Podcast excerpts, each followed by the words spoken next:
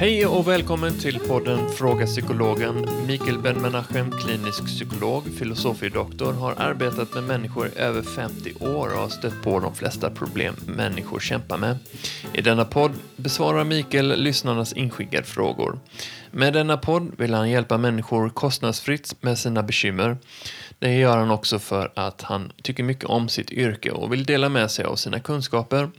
Själv heter jag Kalle Tornberg och läser upp frågorna för Mikael. Hej Mikael! Hej! Vi ska in på ett nytt ämne idag.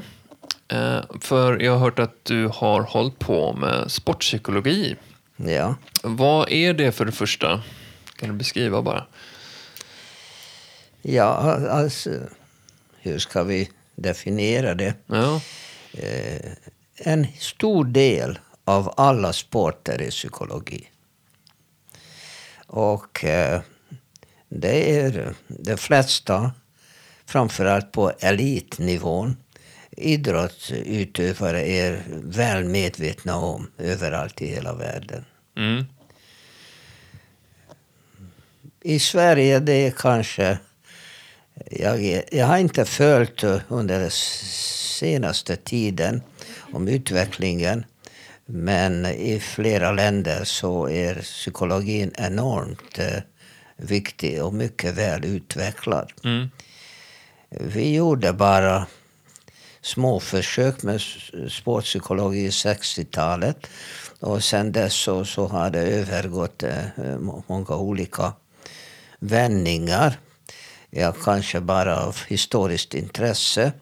Så i, i 60-talet, sen 60-talet kan vi väl säga, början av 70-talet, eh, då mm, där sportpsykologin var tämligen eh, okänd i Sverige. Eh, det är tre, tre kronorna Ja. som har tagit till Sverige många olika typer av, av psykologiska metoder. Men det viktigaste egentligen som, som de har börjat använda i hela gruppen, eh, hockeygruppen, det är autogen träning. Okej. Och autogen träning är en mycket gammal eh, psykologisk metod, avslappningsmetod, utvecklad eh, i 20-talet, alltså 1920-talet, eh, av professor Schultz i Tyskland och egentligen en klinisk metod, en avslappningsmetod. Eh, och eh, det innehåller mycket viktiga eh, beståndsdelar av avslappningsbegreppet. Och Tre Kronorna använde det här programmet, tekniken, med, med fördel. Men även den berömda svenska idrottsmannen Ricky Bruch har använt autogen träning. Det var de här första eh, staplande eh, försök med att föra in eh, psykologin i Sverige. Mm. När vår lilla grupp då i början av 70-talet bestående av Lars-Erik Unestål som var ju pionjär när det gäller hypnos inom sport till exempel och arbetat i Örebro vid Idrottshögskolan och Basil Feiner, eh, läkare i Stockholm. Och eh, jag får väl blygsamt säga jag själv, mm. som har börjat med att eh, experimentera med psykologi inom sporten. Mm. Jag kommer väl ihåg att i Uppsala så arbetade Lars-Erik och jag med en höjdhoppare. Jag kommer inte ihåg namnet.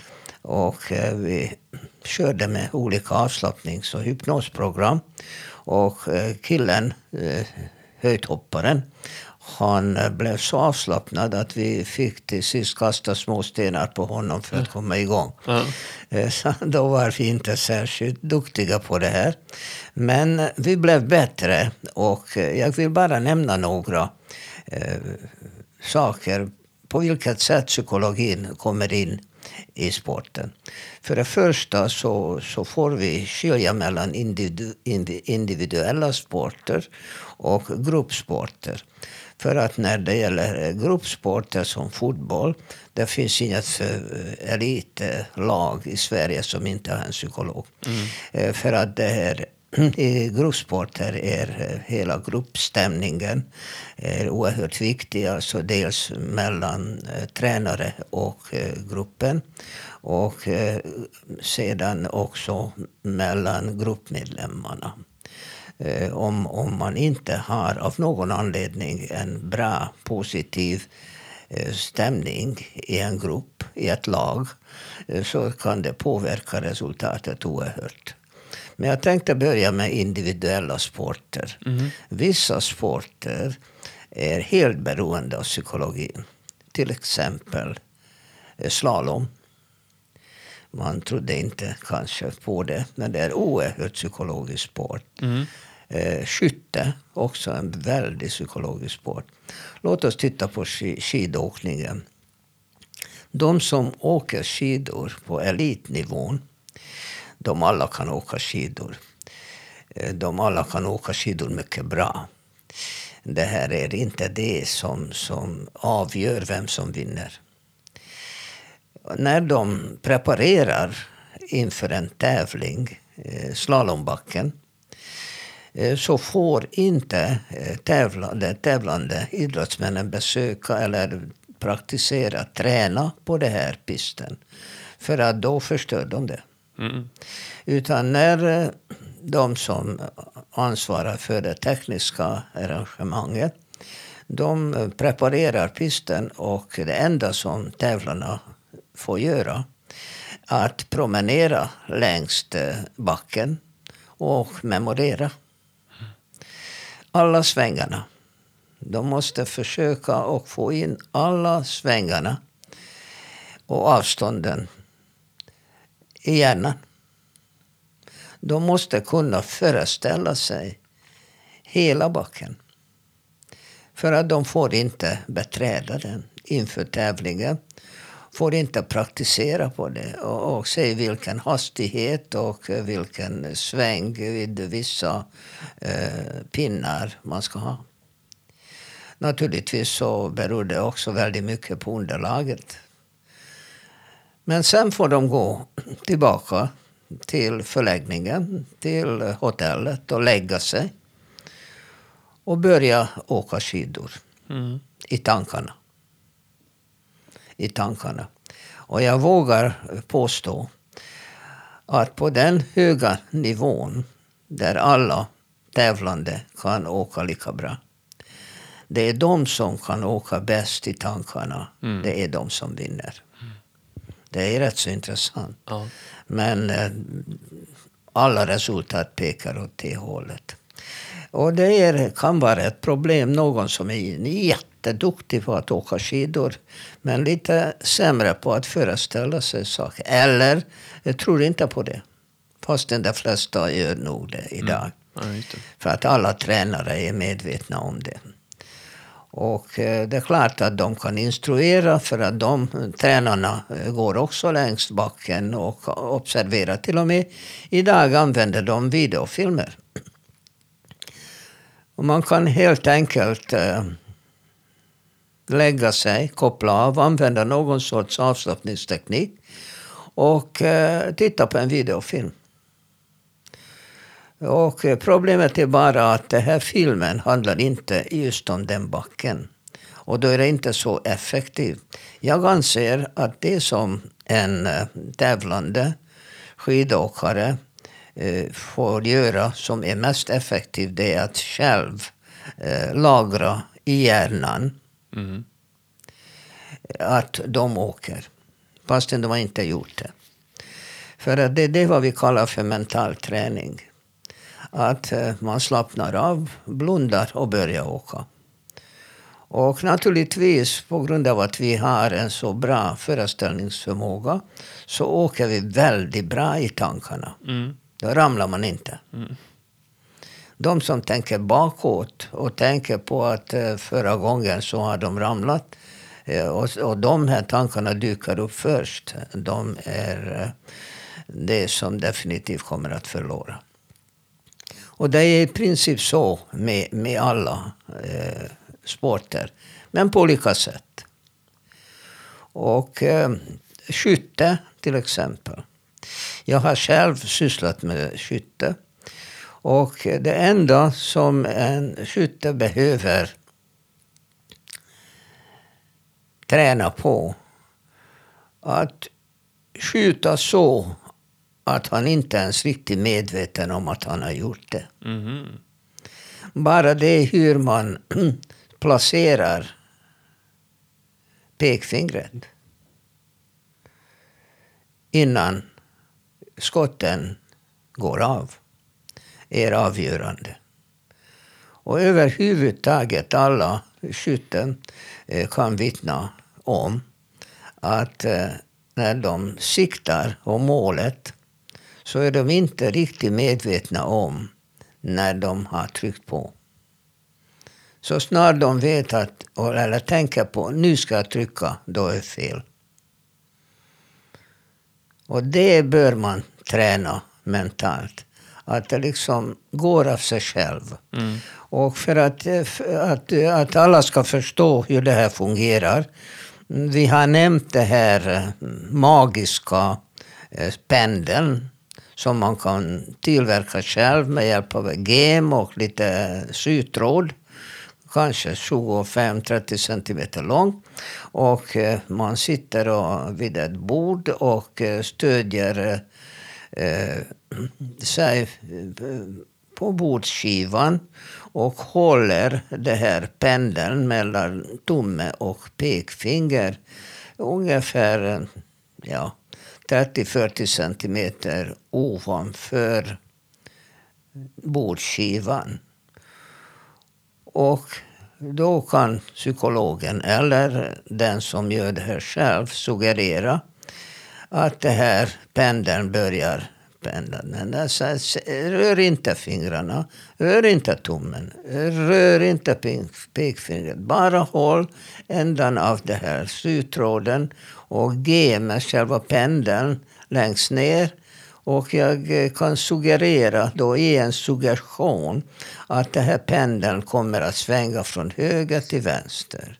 Och från vänster till höger. Men du ska inte röra armen. Du ska försöka hålla stilla. Ändå kommer pendeln att svänga. Och man kan på det sättet suggerera alla möjliga rörelser. Och efter man har gjort det och, och vederbörande ser att det här pendeln svänger trots att jag hela tiden uppmanar vederbörande att inte röra fingrarna eller armen. Ändå svänger det. Då kan man suggerera att eh, det här pendeln kommer att ramla. Men eh, sära inte fingrarna. Håll pendeln som du har gjort. Och eh, upprepar man det här tillräckligt många gånger inom fem minuter, det är garanterat att pendeln kommer att svänga. Och då, då kan man säga, ja men vederbörande visste väl att fingrarna gled ifrån sig och inte längre höll sytråden. Eh, kanske. Inte säker om de visste det. Nej. De kanske försökte arbeta emot det ännu bättre. Eh, ändå så, så släpper de sytråden och de måste väl ha eh, öppna, gjort en liten öppning att fingrarna liksom gled ifrån sytråden så att den ramlade. Eh, det är det här som till exempel skytten använder. Skytten kan programmera in och säga att, eh, att jag trycker inte, jag trycker inte, jag bara håller det, jag bara håller det, trycker inte. Och så går skottet av. Och det som är duktiga på det här, att inte vara riktigt medvetna om när eh, de trycker på, det är de som brukar vinna. Det är en väldigt psykologisk sport. När det gäller andra eh, individuella sporter, jag vill gärna nämna här simning. Jag är också gammal simmare. Och eh, en gång så, de som pratade med, med hypnos eh, och självhypnos och så Eh, kom med idén att kunde man verkligen eh, lära sig simma med hjälp av hypnos. Och eh, vi, tog, vi trodde att det, det går. Så att jag har ansökt hos Riksidrottsförbundet eh, ett anslag om det här. Och hör och häpna så fick jag det faktiskt. Mm. Och eh, pengarna räckte för att jag kunde köpa utrustning, videoutrustning. Vet de här gamla videobandspelarna. Så. Och det första jag gjorde, att jag gick ut till olika simhallar i, i Göteborg och eh, fotograferat, filmat hur tränarna eh, försökte lära barn att simma. Och eh, det var rätt roligt. För de försökte visa barnen med armarna hur man gör med fötterna. Mm. Det var rätt roligt. Jag var ute i en simhall i Hammarkullen, kommer jag ihåg. Och jag trodde inte mina egna ögon eh, och undrade hur i världen kan barn lära sig simma när den som instruerar dem visar med armarna hur man gör med, med fötterna. Mm. Eh, så då blev jag ännu mer säker på att, att det går att eh, instruera med, med bättre metoder. Nu är det så att man måste ha någon sorts kriterium. Föräldrarna vill att, eh, att det här tränaren efter sommarträningen ska kunna säga till föräldrarna att, att barnet har lärt sig simma. Ja, vad är kriteriet? Mm. Ja, det, det, brukar vara avstånd. För att, att de har exakt rätta rörelser, det är svårt att jämföra ens två barn. Men att de klarar av 25 meter ser vi. Att, att simma från bassängens ena ände till den andra änden. Det brukar dyga. Och då kan de få de här märkena. Då, vad var det? Grodan, fisken och sådär.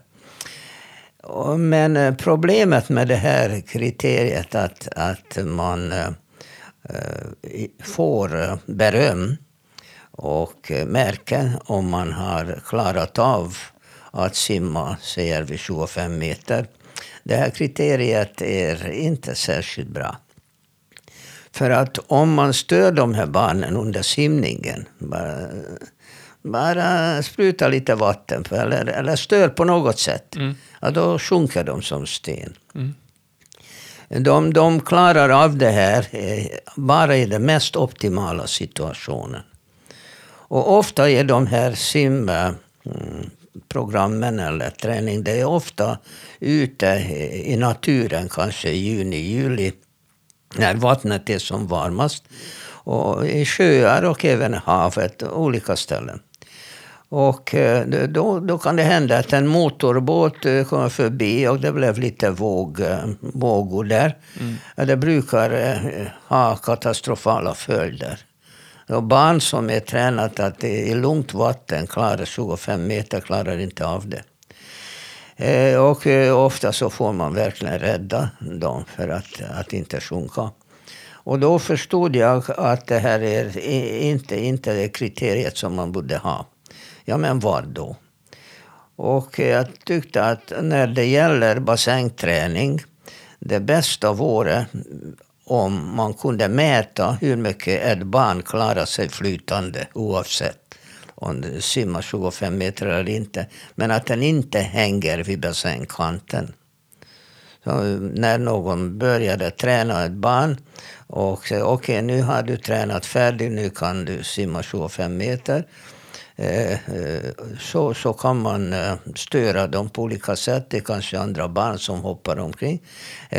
Och, och då, då blir det här barnet rädd och söker sig till bassängkanten. Och vi säger till henne, nej du måste fortsätta att simma. Och så försöker igen och blir störd igen och hänger igen vid bassängkanten. Så kan de hålla på. Mm. Eller en ännu värre variant som är tyvärr vanlig. Att de tränar dem i vatten som, som alltså de, de bottnar helt enkelt. Och då, då väljer de att, att stå istället för att simma. För att det verkar vara säkrare. Mm. Men alltså i riktiga livssituationer, det, det funkar det inte. De bottnar inte och då får de panik. Hur som helst, vi gjorde så här. Mina två döttrar ställde upp som eh, försökskaniner.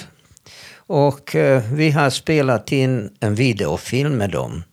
Och eh, med klassiska metoder, att de fick eh, vara i vattnet och flyta lite och andas och blåsa bubblor och överhuvudtaget trivas i vatten. Eh, och så småningom visa lite eh, simhandtag och eh, också hur man gör med fötterna. Eh, och vi gjorde helt enkelt en videofilm om hur man vänjer sig vid vatten och börjar simma. Och så delade vi eh, den här eh, gruppen av eh, barn, ungefär tioårsåldern, eh, i Mölndals, Mölndals simhall i två grupper. Och i varje grupp fanns eh, tio barn. Och eh, den ena gruppen fick konventionell simträning. Den enda skillnaden var att vi mätte inte 25 meter utan vi mätte hur mycket under en viss tidsperiod de höll sig flytande eller höll vid bassängkanten. Mm. Bottna kunde de inte. Så att de var tvungna antingen att hänga vid bassängkanten eller simma. Och den andra gruppen, vi, vi lade tio madrasser och de fick slappna av med vanlig eh, Jakobssons avslappningsmetod. Och sen fick de titta på den här videofilmen som eh, vi har gjort med mina två döttrar. Som var då ungefär eh, fem och tio år gamla. Och efter ett antal gånger så jämförde vi då, då de här barnen som fick enbart videofilm och eh, avslappning. Eh, de fick inte alls vara i bassängen. De har inte varit där innan. Och medan de andra gruppen de fick vanlig simträning eh, tio gånger. Och sen jämförde vi med de här två grupperna. Och lät bägge grupperna vara i bassängen samtidigt. Och vi hade en hel del, alltså 20 stycken eh, domare som eh, med, med tisdagar ur i handen mätte varje barn hur mycket vederbörande hängde vid bassängkanten och hur många försökte att simma och hålla sig flytande. Mm. Är det klart? Mm. Det är lite komplicerat, men så gjorde vi i alla fall. Och, eh, och så satte vi igång. Och det visade sig att eh, hypnos eller avslappningsgruppen klarade sig med ungefär 30 procent bättre än det som har tränat i vatten. Mm. Vad säger du om det? Mm. Ja, det är intressant. Eh, så att eh, man ska inte underskatta psykologins betydelse inom sporten. På elitnivå naturligtvis, eh, det, det gäller en fin lyr. Och då vill jag nämna avslutningsvis också ett så skojigt försök. Två. Dels så GLTK, alltså största tennisklubben i Göteborg, mm. bad mig att uh, titta lite grann på deras juniorer. Alltså en juniorlag uh, som var med i Allsvenskan. Och um, jag bara nämner när, när jag träffade gruppen som bestod ungefär en 12 stycken uh, mycket duktiga unga tennisspelare, ungefär 15, 16, 17 år gamla. Eh, och då säger jag till dem vid första mötet, innan de satte igång med vanlig träning, så frågade jag en av dem. När vi ska praktisera server, hur många servers slår du in av tio? Då säger killen, var inte löjlig Mikael, alla tio. Ja, så sa jag, säger du det. Jag tror inte att du ens klarar fem. Haha, sa han. Titta på det här. Han nästan slog sönder racketen så förbannad han blev. Okej. Okay. Han klarade inte ens fem. Uh, varför? För att jag satte en, en tanke i hans huvud. Mm. Och han kunde inte bli av med det. Han tänker hela tiden på, medan han skulle serva, att han kommer att misslyckas. Mm. Eller tvärtom. Han tänkte hela tiden på att jäkla Mikael, jag ska visa honom. Och i bägge fallen så missade han. då, då fick de en liten tankeställare att det har kanske någonting mm, ändå med psykologin att göra. För de bara skrattade från början. Mm. Eh, ett annat intressant exempel. Eh, det var ju unga konståkare, också i Göteborg, som jag skulle träna. Och de hade en väldigt duktig gammal tjeckisk tränare, kommer inte ihåg namnet. Väldigt duktig. Och eh, problemet var det som han förklarade mig. Att eh, det händer att en konståkare, och de var unga också, cirka samma ålder som tennisspelarna, 15-16 år gamla. Att eh, när de ramlar, varför ramlar de? För att eh, få hög, hög poäng så måste de hoppa avancerade hopp. Och de tränade i de här hoppen väldigt noggrant med exakt eh, rörelser. Tränaren gör allt för att eh, de lär sig alla rörelserna vid ett hopp. Vad är det för hastighet de behöver, hur de hoppar upp i luften, eh, hur de håller kroppen, hur de håller armarna, hur de håller huvudet. Allt, allt är intränat. Och hur man landar. Det är enormt viktigt hur de landar. Mm. Och eh, ändå så misslyckas de många gånger. Och jag frågade honom, vad tror du, varför misslyckas de? Ja, säger han, för att Dels är de nervösa, spända inför eh, en tävling naturligtvis. Dels så försöker de att hoppa sådana hopp eh, som ger mycket poäng. Och som kanske de är rädda för. För att eh, ju svårare är hoppet desto lättare att man misslyckas. Mm. Och många blir så rädda att de väljer bort de här eh, svåra hoppen. Och väljer de bort sådana eh, så kommer de aldrig eh, upp till eh, prispallen. Mm. Så att vill de vinna så måste de hoppa de här. Och, och på träningen går det rätt bra, säger han. Men eh, så kommer tävlingstillfället och eh, då blir de för nervösa och missar. Okej. Okay. Och då använder vi mental träning. Och mental träning, det är som en vanlig träning fast en i tankarna. Precis som vid skidåkarna. Att de här flickorna fick också slappna av och få, få djup avslappning. Och under avslappningen så började de hoppa i tankarna. Och eh, då beskriver man mycket noga, psykologen får också veta exakt om alla rörelserna som är intränade. Annars så vet inte vederbörande vad han pratar om. Och då börjar eh, de här duktiga eh, konståkare hoppa i tankarna. Och i tankarna lyckas man alltid. Och nu kommer man i den extra finessen. Det är nämligen så att vårt minne fungerar så att den senaste händelsen ligger överst. Mm. Och om vi nu säger att vi har här en konståkningstjej och hon har ramlat två gånger när hon försökte hoppa ett visst hopp. Och då försöker hon undvika det. För att hon har hela tiden i tankarna att hon har misslyckats senast. Och då börjar vi träna det här hoppet med henne i tankarna. Och varje gång så landar hon väldigt elegant i tankarna och landar fint. Och så gör vi om det. Och gör om det. Och gör om det. Och alla de här fina, lyckade hoppen lägger sig i hennes minne överst. Mm. Så att det här misslyckade hoppet ligger eh, lägst. Så att det nästan inte ens kommer upp till minnet för att vi har lagt så många lyckade hopp över. Mm. Även om det var i tankarna. Eh, som tur är så hjärnan gör inte mycket skillnad mellan upplevt händelse och föreställd händelse. Och det är det, det, det som är eh, det auto, autogena eh, träningens och den mentala träningens styrka.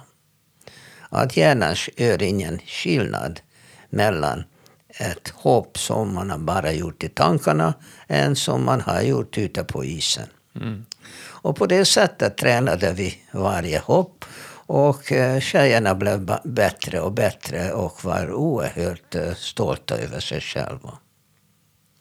Ja, det var tillräckligt många exempel på eh, individuella sporter. När det gäller gruppsporter så är det helt andra saker som, som gäller. Där måste man vara mycket finkänslig och måste känna sina spelare oerhört väl. Se, eh, för att ofta så bedöms eh, uppställningen av laget efter eh, senaste resultat. Och det är inte alltid motsvarar det som det borde vara. Vi kan märka det att eh, när till exempel vid fotboll jag kunde lite fotboll också. Jag har varit fotbollsdomare en gång i tiden. Mm. Att eh, det är olika matcher där det är tillåtet att man byter ut spelare. Det är mycket psykologi i det. Man kan byta ut en spelare för att han är mycket bra och har redan gjort ett mål och eh, tränaren vill spara honom i nästa match. Eller tvärtom byter ut spelaren för att den eh, kanske inte eh, idag i bästa form. Man kan kanske byta ut en spelare för att man vill pröva en ny spelare. Och allt det här, om det kommer plötsligt och om det kommer eh, oväntat, kan skapa irritation i laget. En duktig tränare pratar om det här exakt långt före matchen. Vilka är eh, tänkbara spelare som måste komma in för att han måste pröva dem. Som är inget problem. Problemet är det vilka ska ut. Och det finns några naturliga saker som gör till exempel det här som jag nyss nämnde, att han har gjort ett mål. Och då, då, då kan han lugnt lämna, lämna spelplanen. Då, då vet han att han har gjort sitt. Ja. Det, det kan också vara tyvärr en skada. Och ännu värre, att en del tränare bara tänker på resultat. Och så springer de in så snart eh, för att de flesta i publiken tror att vederbörande filmar. När han ligger där och ojar sig. Och eh, domaren tittar på och säger att du kan väl stå upp och fortsätta. Och alldeles riktigt, en minut senare så springer han hur bra som helst. Och därför eh, tror en del i publiken att alla filmar som ligger där på gräset. Det är inte sant. Nej. Tyvärr så händer det väldigt tråkiga eh, händelser. Ibland med, eh, medvetet av motspelaren, ibland inte. Det är nämligen så att, eh, att eh, lagarna inom fotbollen tillåter att man gör en så kallad eh, glidtackling.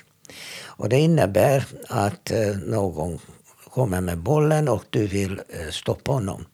Så att du kastar dig framför honom och försöker att få bollen ifrån vederbörande. Det här är lagligt. Fotbollslagarna säger att så länge din, dina rörelser är för att nå bollen, det är okej. Okay. Det är bara när du försöker och göra något annat som är väldigt vanligt inom hockey till mm. exempel. Men i hockey det är tillåtet. Medan i fotboll det är inte tillåtet. De håller på att slå varandra i hockey när pucken inte är i närheten.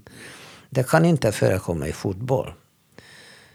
Så snart eh, domaren ser att en motspelare försöker att blockera en som har bollen och han struntar fullständigt i var bollen är och bara vill skada den andra, det ska bestraffas. Den, den ska stoppas. Och det innebär att ibland, även om de är helt lagliga, de här glidtacklingar, eh, kan skada den andra spelaren eh, som hade bollen innan. Eh, och kan även ibland skada sig själv. Och det är alltså inte sant att de som, som ligger på marken är filmar. För att ofta så är de verkligen skadade. Och, eh, en, och då vad ser vi när vi sitter publiken? Ja, då springer två, tre stycken in eh, med lagens eh, eh, träningsoverall eh, med stora bokstäver på, eller färger på laget. Och så kom han, de har små väskor med sig och öppnar väskorna och plockar ut någonting och gör någonting med spelaren. Och han är uppe på fötterna efter en minut. Mm. Vad är det de gör? De sprutar i, i en väs, väska. Ofta de skyl ner den här eh, delen av kroppen. Många gånger till exempel knäna eller vaderna någonting. Och då känner inte spelaren någon smärta. Mm, okay. Och då låter tränaren vederbörande att fortsätta att spela. Det borde inte förekomma. För att det här spelaren kommer att skada sig ännu mera. Mm. Så att det här sprutandet borde de sluta med tycker jag.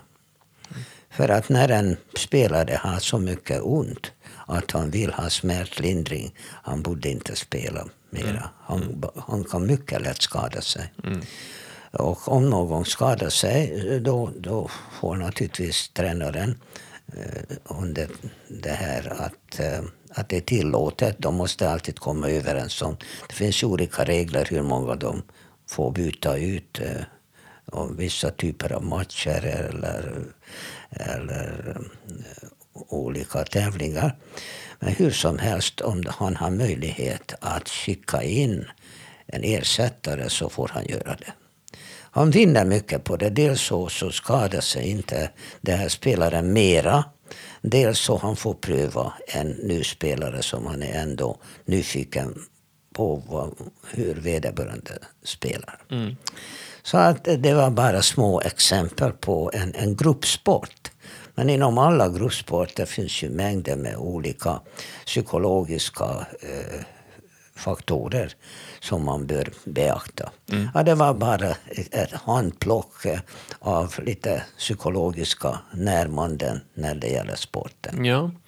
Det är fascinerande att tänka hur mycket det mentala och ens tankar avgör. Det är så tydligt i sporten då uppenbarligen. Eh, och tänker kanske kan appliceras i, i livet utanför sportvärlden, eh, vardagen. Ja, det är alltså A och Ö sporter som är populära i Sverige, till exempel skidskytte. Där två helt olika eh, grenar eh, ska behärskas maximalt. Mm. Där du är på, ute och, och åker skidor och är mycket eh, fysiskt ansträngd och så plötsligt får du stå eller ligga och skjuta mot äh, måltavla. Mm. Det är enormt psykologiskt. Mm. Enormt psykologiskt. Ja. Och sen alla, alla man konkurrerar med och alla motgångar och allting som man måste övervinna mentalt. Eh, det är ju jätteviktigt, uppenbarligen. Ja, det som vinner mentalt eh, vinner också på banan. Ja, precis. Vinnarskalle-grejen kanske inte är så... Ja, så kan man säga. Men eh, vinnarskalle, det verkar vara mera bestående. Mm. Och det är vad jag pratar om. Det är att en, en tävlande måste förberedas psykologiskt framför varje tävling. Just det. Ja, häftigt. Eh, säkert också ett ämne som vi kommer ta upp i framtiden. Eh, eller vad säger du, Mikael? Ja, om det finns eh, folk som är intresserade av det, eller eh, lag, eller eh, olika eh, sportklubbar. Det finns mycket att lära sig. Verkligen. Vill du kontakta Mikael med frågor eller synpunkter eller bara Eh, allmänna tillrop och kärleksbudskap så kan du mejla till fragapsykologen gmail.com. Mikael finns också även på sociala medier, medier, Facebook och Instagram under namnet Fråga Psykologen. Så med det tackar vi för idag. Tack Mikael. Tack ska ni ha.